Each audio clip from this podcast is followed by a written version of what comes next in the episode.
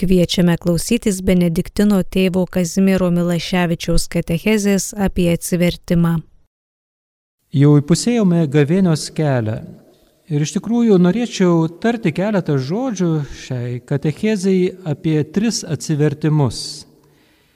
Nes gavėnė yra neįlinė meilės istorija atskleidžianti mums, jog visuose mūsų sunkumuose ir kančiose nesame palikti vieni, bet amžinai sujungti su Jėzumi.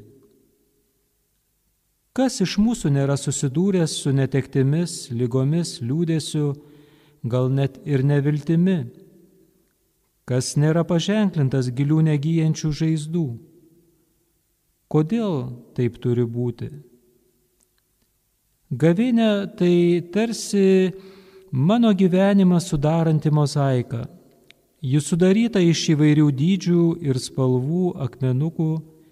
Vieni yra nuspalvinti įvairių netekčių, skausmo ar nusivylimos spalvų, kiti šviesių padėkos, džiaugsmo ir ramybės atspalvių.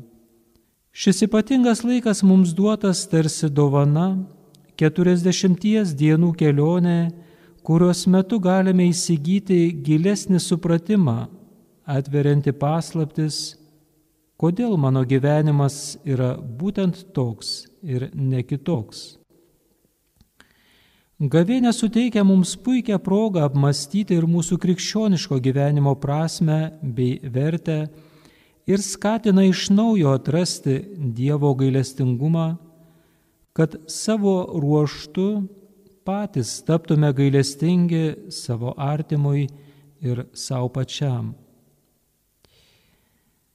Dažnai įvairūs įsipareigojimai, vargai ir rūpeščiai mūsų gyvenimą paverčia rutina, todėl grėsia pavojus užmiršti, koks ypatingas yra laikas, į kurį Jėzus mus kviečia įsitraukti. Gavėnė kaip maldos, susimastymo ir pasninko laikas prieš Velykas mums padeda įeiti širdimi į Jėzaus kančios slėpinį Jėzaus, kuris savo nusileidimu į pačią žmogiškosios kančios bedugnę paliečia visus ir kiekvieną bei šimties, tapdamas išgelbėjimo ir tikrojo amžino gyvenimo garantu. Ne tik įsigilinti, bet ir to slėpinio šviesoje atrasti savo gyvenimo prasme, kad savo vidinėje tamsoje išvystume kiek daug Dievas mums dovanoja, kad jo dovanos yra nenykstančios ir teikiančios gyvenimą. Pelenų trečiadienį senomis apibarstimo pelenais apieigomis bažnyčia įvesdino mus į gavėnios metą didį keturiasdešimties dienų dvasinio susikaupimo ir atgailos laiką. Kunigas berdamas ant galvos pelenus ir tardamas žodžius, atmink žmogau, jog dulkė esi ir dulkėmis virsi, primena žmogaus egzistencijos tiesą. Esame riboti kūriniai, nusidėjėliai, kuriems nuolatos reikia atgailos ir atsivertimo pastangų skeldamas savo visišką autonomiją Dievo atžvilgiu, šiandienis žmogus tampa savo paties vergu ir dažnai atsiduria nepaguodžiamoje vienatvėje. Kvietimas atsiversti tada būna paskata grįžti į Dievo švelnaus ir gailestingo tėvo glėbį. Bet kodėl gavėnios laikas mums primena, jog žmogus yra dulkė? Kaip suprasti, jog žmogus yra dulkė? Pirmą kartą pradžios knygoje apie tai kalbama žmogaus sukūrimo metu. Tuomet nulipdė viešpats Dievas žmogų dulkę iš tos dirvos ir įputė jo šnirplės gyvybės kvepavimą ir tas žmogus tapo gyva esybė. Įdomu pastebėti, jog tik žmogus ir joks kitas kūrinys nėra sulyginamas su dulke. Hebrajų kalboje šis žodis gali reikšti įvairius smulkius, birius elementus - žemę, dulkes, pelenus ar net smėlį. Senajame testamente žodis dulkė dažnai siejamas su mirtimi.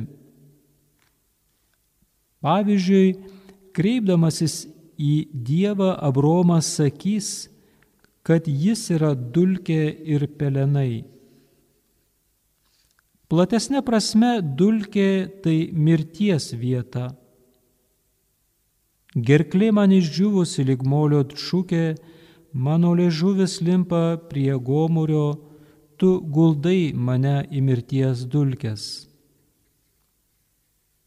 Arba kodėl netleidi mano nusižengimo ir nepanaikini mano kalties, juk netrukus gulėsiu dulkėse, manęs ieškosi, bet manęs nebebus, taip skundžiasi Jobas Dievui. Taigi sakydamas, jog žmogus yra dulkė, pasakotojas pabrėžia, jog žmogus yra mirtingas ir sugrįž iš ten, iš kur buvo paimtas. Apie tai jau kalbės pradžios knyga trečiajame skyriuje. Kalbėdamas apie žmogaus kaltę bei jos pasiekmes, Dievas jam skiria sunkų ir varginantį gyvenimą, savo veido prakaitų valgysi duoną, kol sugrįši žemėn, nes iš jos buvai paimtas. Juk tu dulkė esi ir į dulkę sugrįši. Mirtis, apie kurią kalbama antrame kūrimo pasakojime, kai žmogus yra sukūriamas, nėra nuodėmės pasiekmi, bet veikiau normali ir natūrali žmogaus baigtis. Taigi nuo gimimo iki natūralios mirties žmogus priklauso žemiai. Bet juk tai visų gyvybių baigtis.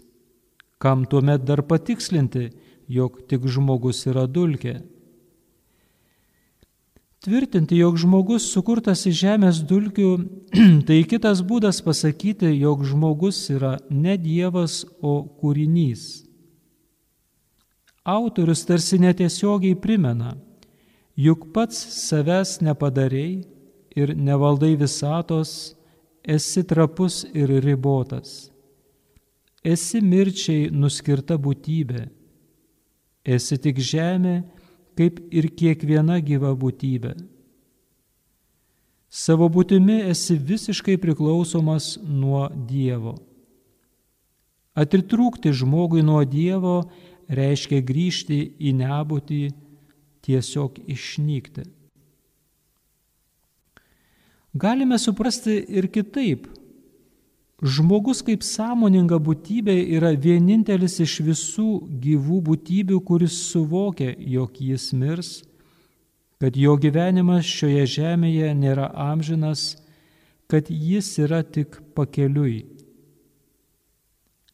Kartu sakydamas, jog žmogus yra dulkė, Dievo žodis mums primena, kad esame trapus, silpni, mirtingi, kad tūkstantmečių ir begalinės visatos akivaizdoje esame maži kaip dulkės. Tačiau esame Dievo mylimos dulkės, nulipdyti mylinčių Dievo rankų. Sukūrimas atskleidžia Dievo artumą žmogui. Kaip žemė turi būti dirbama, taip ir žmogaus kūnas turi būti lipdomas formuojamas, kaip žemė turės rūpinti žmogus, taip Dievas rūpinasi žmogaus kūnu. Savo rankomis nulipdydamas žmogų Dievas parodo, kaip švelniai jis myli žmogų. Kaip nuostabu žinoti, kad tavo kūną nulipdė ne kas kitas, o pats Dievas. Ir tai su nuostaba ištarė Jobas, tavo rankos sukūrė ir padarė mane, o atsimink, kad sukūrei mane iš molio, nejau paversi vėl mane dulkėmis. Aprengiai mane odu, oda ir kūnu, suaudai mane iš kaulų ir gyslų. Tad svarbu niekada nepamiršti, jog žmogaus kūnas yra geras, nes jį sukūrė Dievas. Iš šį žiupsnelį dulkių, kuriomis esame, Dievas sudėjo visas savo svajones, viltis, rūpestį ir meilę. Esame dulkės, žemė, molis, tačiau jei leidžiame, kad Dievas mus savo rankomis formuotų, tampame nuostabiais kūriniais. Dar pelenai kaip ženklas mums primena ir sunku erškiečiais ir aštriais akmenėmis nuklotą žmogaus gyvenimo kelią. Ypač, kai mūsų užgriūva vienišumas, įvairūs sunkumai, karas, lygos bei netektys ir savo gyvenime nebematome nieko kito, tik dulkes. Būtent gavėnios metu viešpats mus drąsina drąsos, aš jūs sukūriau iš trapios medžiagos, bet jūs esate pašaukti tapti dangaus, tai yra Dievo vaikais. Pelenų trečiadienį kunigas naudoja ir kitus žodžius. Atsiverskite ir tikėkite Evangeliją. Naujajame testamente apie atsivertimą kalbama trimis skirtingais momentais, trijuose skirtinguose kontekstuose. Kviečiu pažvelgti į kiekvieną iš jų. Apie pirmąjį atsivertimo būdą prabyla pats Jėzus savo viešosios veiklos pradžioje. Atsiverskite ir tikėkite Evangeliją. Kągi šiuo atveju reiškia atsivertimas? Iki Jėzaus ateimo Senojo testamento laikais atsivertimas visada reiškia grįžimą. Tam tikrus savo gyvenimo momentus žmogus suvokia, jog pasirinkdamas ne tą kelią ar eidamas neteisinga kryptimi, nuklydo nuo teisingo kelio. Jis sustoja suprasdamas, kad kelias, kuriuo jis eina, veda ne į gyvenimą, o į mirtį. Jis nusprendžia grįžti į įsakymų laikymosi ir sandoros su Dievu kelią. Šiuo atveju atsivertimas reiškia apsisprendimą liautis daryti blogą ir pradėti teisingą, dorybingą gyvenimą. Kitaip tariant, rinktis tai, kas teikia gyvenimą, o ne mirti. Iš Jėzaus lūpų skambančio raginimo atsiversti prasme yra kitokia. Tai negryžimas atgal prie sandoros ar įstatymo, bet šuolis į priekį, žingsnis į Dievo karalystę, į Dievo mums dovanojamą išganimą. Paraginimas atsiverskite ir tikėkite tai ne du skirtingi vienas po kito einantis dalykai, bet vienas ir tas pats. Atsiversti reiškia tikėti. O tikėti tai reiškia eiti keliu, kuris veda link Dievo. Atsivertimas tai naujas mūsų santykio su Dievu suvokimo būdas. Atsivertimas tai perėjimas nuo baudžiančio Dievo idėjos prie mylinčio ir viską mums dovanojančio Dievo, arba kaip mėgsta sakyti Šventasis Paulius, perėjimas nuo įstatymo prie malonės.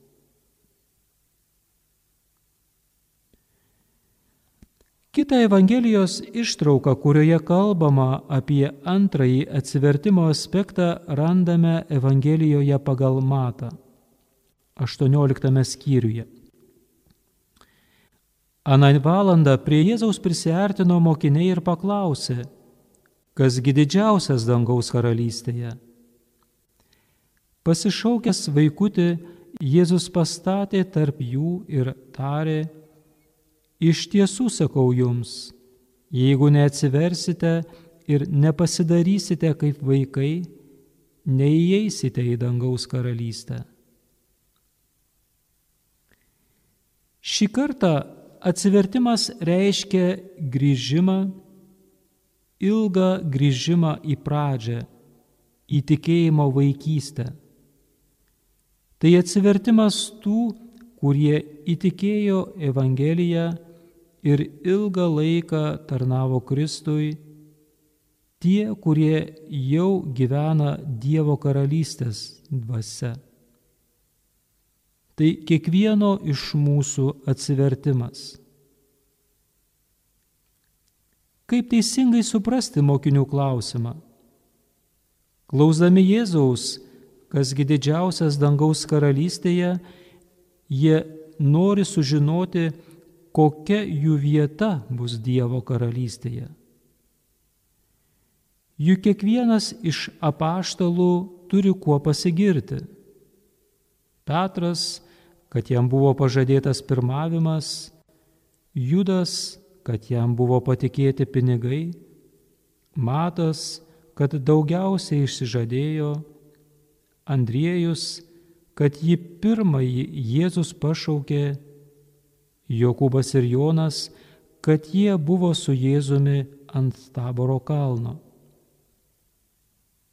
Ir čia galėtume pratesti. Užėmiau svarbias pareigas, vadovavau stambiai įmoniai, buvau prezidentas, daug jaunų žmonių atvedžiau prie tikėjimo ir taip toliau. Taigi kokia mano vieta bus Dievo karalystėje? Visų šių dalykų vaisius - konkurencija, įtarumas ir to pasiekoje nusivylimas. Jėzus išsprendžia ginčą, sakydamas, kad ne mes esame Dievo karalystės centre. Ne mums, bet Dievui turi būti skirta svarbiausia vieta. Jėzus taip aiškina, raginamdamas mus tapti vaikais. Būti kaip vaikai, grįžti į praeitį, apaštalams reiškia grįžimą į pašaukimo prie ežero kranto akimirką, kai jie neturėjo jokių pretenzijų, jokių titulų, kai tarp jų nebuvo pavydo ir konkurencijos. Jie turėjo tik vieną troškimą - sekti paskui Jėzų. Čia ir mums puikia proga sugrįžti prie mūsų pirmosios meilės, gilaus troškimo būti su Jėzumi, būti Jėzui, būti dėl Jėzaus, troškimas gyventi nuolat Dievo artumoje.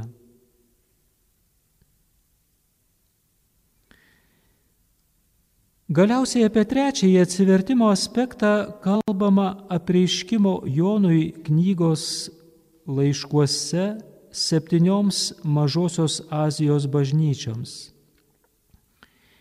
Ypatingai griežtų tonų autorius kreipiasi į Laodikėjos bažnyčią priekaištaudamas, kad jos nariai ir vadovai drungni netekę uolumo. Žinau tavo darbus, jog nesi nei šaltas, nei karštas, o kad būtum arba šaltas, arba karštas. Bet kadangi esi drungnas ir nei karštas, nei šaltas, aš išspjausiu tave, pažodžiu išvemsiu iš savo burnos. Panašiai ir šventasis Paulius ragina Romos krikščionis. Nebūkite apsileidę bet uolus karštos dvasios. Galėtume paprieštarauti, juk netaip jau paprasta išsivaduoti iš drungnumo, jei esame jame giliai įklimpę. Patys juk negalime savęs ištraukti iš liūno, tamdami save už plaukų. Mes manome, kad nesame pajėgus išsivaduoti iš drungnumo ir neveiklumo dėl to, kad praleidžiame negirdomis labai svarbu Pauliaus raginimo dėmesį. Būkite karštos dvasios. Mes šio raginimo nepastebime arba neteisingai jį suprantame. Paulius čia kalba apie šventąją dvasę.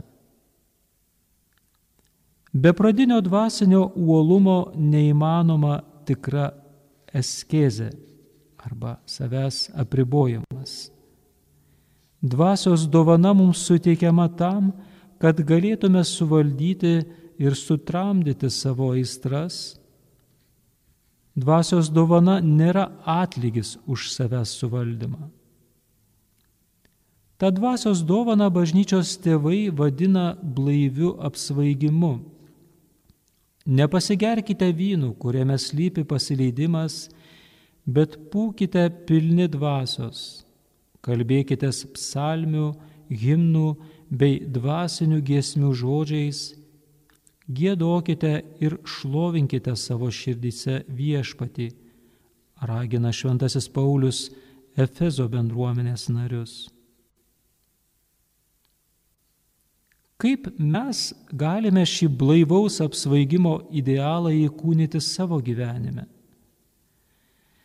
Bažnyčios tėvai siūlo dvi tradicinės priemonės - Eucharistiją ir šventąjį raštą, aš dar pridėčiau trečią - susitaikinimo sakramentą, kurių padedami mes galime išgyventi tą blaivų apsvaigimą. Yra dar viena priemonė Tai sėkminių dieną apaštalų išgyventa patirtis šventosios dvasios krikštas. Jis nebuvo skirtas tik apaštalams ir pirmąjį krikščionių kartai. Jį gali išgyventi kiekvienas tikintysis. Visa paslaptis prašyti, kad šventoji dvasia ateitų ir perkeistų mūsų gyvenimus. Tad nebijokime tarti, ateik šventoji dvasia, ateik į mano gyvenimo kasdienybę, ateik į mano širdį, nors ir esu įsuktas į rūpešių ir darbų sukūrį.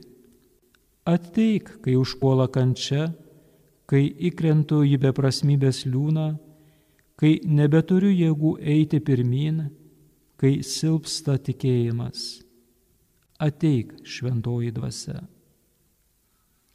Tad kvieskime šventąją dvasę į savo gyvenimą, kad ji nuvalytų kasdienybės dulkes ir uždegtų mūsų širdį uolumu, uolumu Dievui.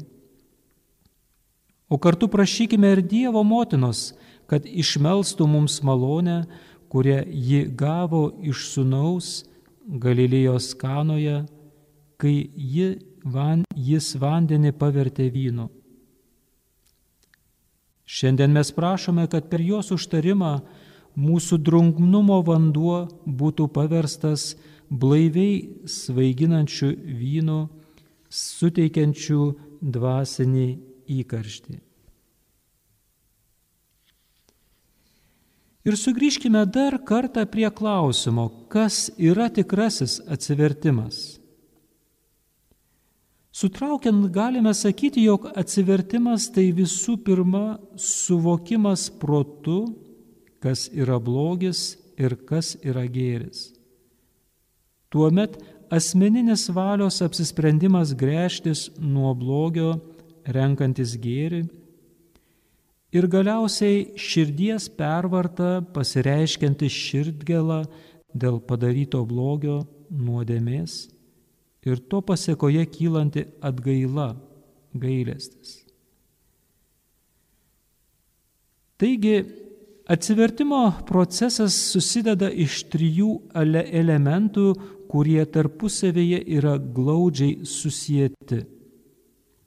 Kviečiu trumpai pasigilinti į kiekvieną iš jų.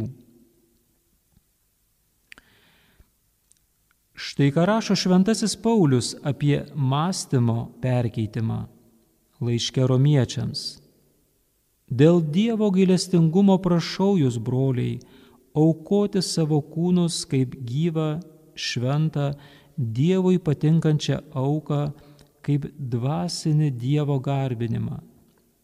Ir nesekite šiuo pasauliu, bet pasikeiskite atsinaujindami dvasia, kad galėtumėte suvokti Dievo valią, kas gera, tinkama ir tobula. Šventasis Paulius ragina ne tik pakeisti mąstymą, apgailėti savo blogus darbus, bet ir pasikeisti iš vidaus. Kad galėtume pakeisti mąstymą, pirmiausia turime suvokti, kas yra blogis ir kas yra gėris. Suvokti, kokie veiksmai, mintys, elgesys, žodžiai veda link Dievo ir tai, kas mus atitolina nuo Dievo. Tam reikia skirimo dvasios arba šventosios dvasios šviesos. Puikus to pavyzdys būtų 51 psalmė, kuri priskiriama Dovydui, kuris atgailauja, kad nužudė Hetitą Uriją ir pasiemė savo jo žmoną Bersabėją. Savo maištingus darbus aš gerai pažįstu ir mano nuodėmė nuolat man prieš akis. Tau nusidėjau tik tai tau ir padariau, kas pikta tavo akise. Dovydas sakosi, kad gerai pažįsta savo maištingus darbus ir kad nuodėmė jam stovi nuolat prieš akis. Jis išpažįsta savo kaltę ir tuomet prašo Dievo padėti pakeisti ir apvalyti jo mąstymą bei širdį. Pasigailėk manęs Dieve iš savo gerumo, iš savo begalinio gailestingumo sunaikink mano maištingus darbus. Vėl nuplauk ir nuplauk mano kaltę, nuvalyk nuo manęs mano nuodėmę, sukurk man tyrą širdį Dievę ir atnaujink manyje ištikimą dvasę. Antrasis aspektas pabrėžia valios veiksmą. Tikintysis suvokęs, kad jo kelias veda į pražūtį, į mirtį, priima sprendimą grėžtis nuo savo nuodėmės. Apie tai kalba taip vadinami atgailos pranašai. Pavyzdžiui, pranašas Jeremijas Nors jūs atsisakėte klausyti ir nenorėjote girdėti, viešpats nuolat ir be perstojo siuntė pas jūs savuosius tarnus pranašus su šiuo žodžiu. Prašom grėžtis visi kaip vienas nuo savo nedoro kelio ir nuo savo piktų darbų, kad galėtumėte per amžius gyventi žemėje, kurią viešpats seniai davė jums ir jūsų tėvams. Šventoji dvasia įkvepia žmoguje troškimą sugrįžti į kelią, kuris veda į gyvenimą. Kad bėgtume išplėsta širdimi keliu, kuris veda į gyvenimą, turime atiduoti visą mumise susikaupusią tamsą. Trečiasis atsivertimo elementas ir yra ta širdies pervarta, tai yra nuoširdus gailestis dėl padaryto blogio. Kai žmogus supranta padaręs nuodėmę, jis jaučiasi labai prislėgtas savo nusižengimo ir yra pasiruošęs nuoširdžiai gailėtis dėl jos. Kaip meldžiasi Dovydas 51 psalmėje, Tikra auka Dievui yra sugrūdusiusi dvasia, Tu Dieve nepaniekinsi širdies sugrūdusios ir atgailaujančios. Taigi tik tuo metu įvyksta tikras atsivertimas, kai gavę proto iškumą apsisprendžiame eiti keliu link Dievo, apimti gailau, gilaus gailėšio, tai yra sugrūdusią širdimi. Šventasis Siluanas taip rašo. Gailestingasis viešpatie, tu matai mano, mano nupuolimą ir sielvartą, bet nuolankiai prašau, užliek mane nuodėmingą į savo šventosios dvasios malonę. Prisiminimas apie ją traukia mano protą vėl ieškoti tavo gailestingumo. Viešpatie, suteik man savoje nuolankumo dvasę, kad vėl neprarasčiau tavo malonės ir netektų raudoti dėl jos taip, kaip Adomas raudojo dėl rojaus ir dėl Dievo. Tačiau turime neužmiršti, jog tikras ir guluminis atsivertimas yra malonė, dovana, atverianti širdį begaliniam Dievo gerumui.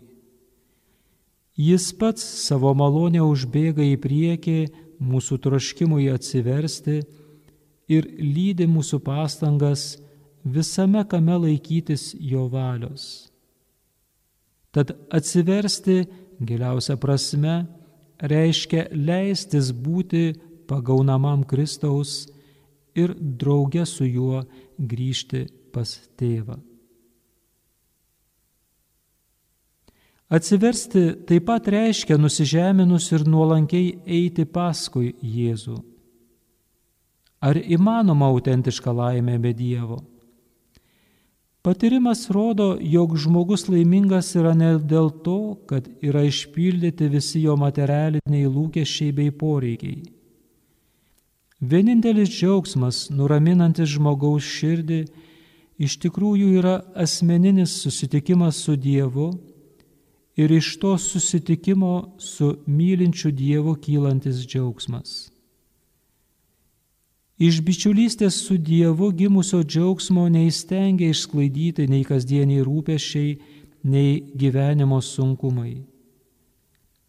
Atnaujinti santyki su viešpačiu dėka atgailos ir nusigrėžimo nuo blogio yra vienas iš gavėnios tikslų padieniui ir pasavaičiui įgyjantis gyvastingosios Kristaus kančios kontūrus.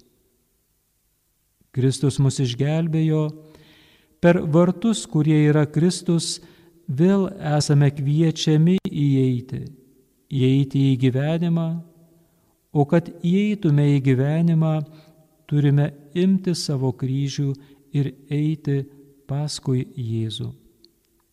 Tai ir yra gavėninis atsivertimo kelias, į kurį su visa bažnyčia leidžiamės.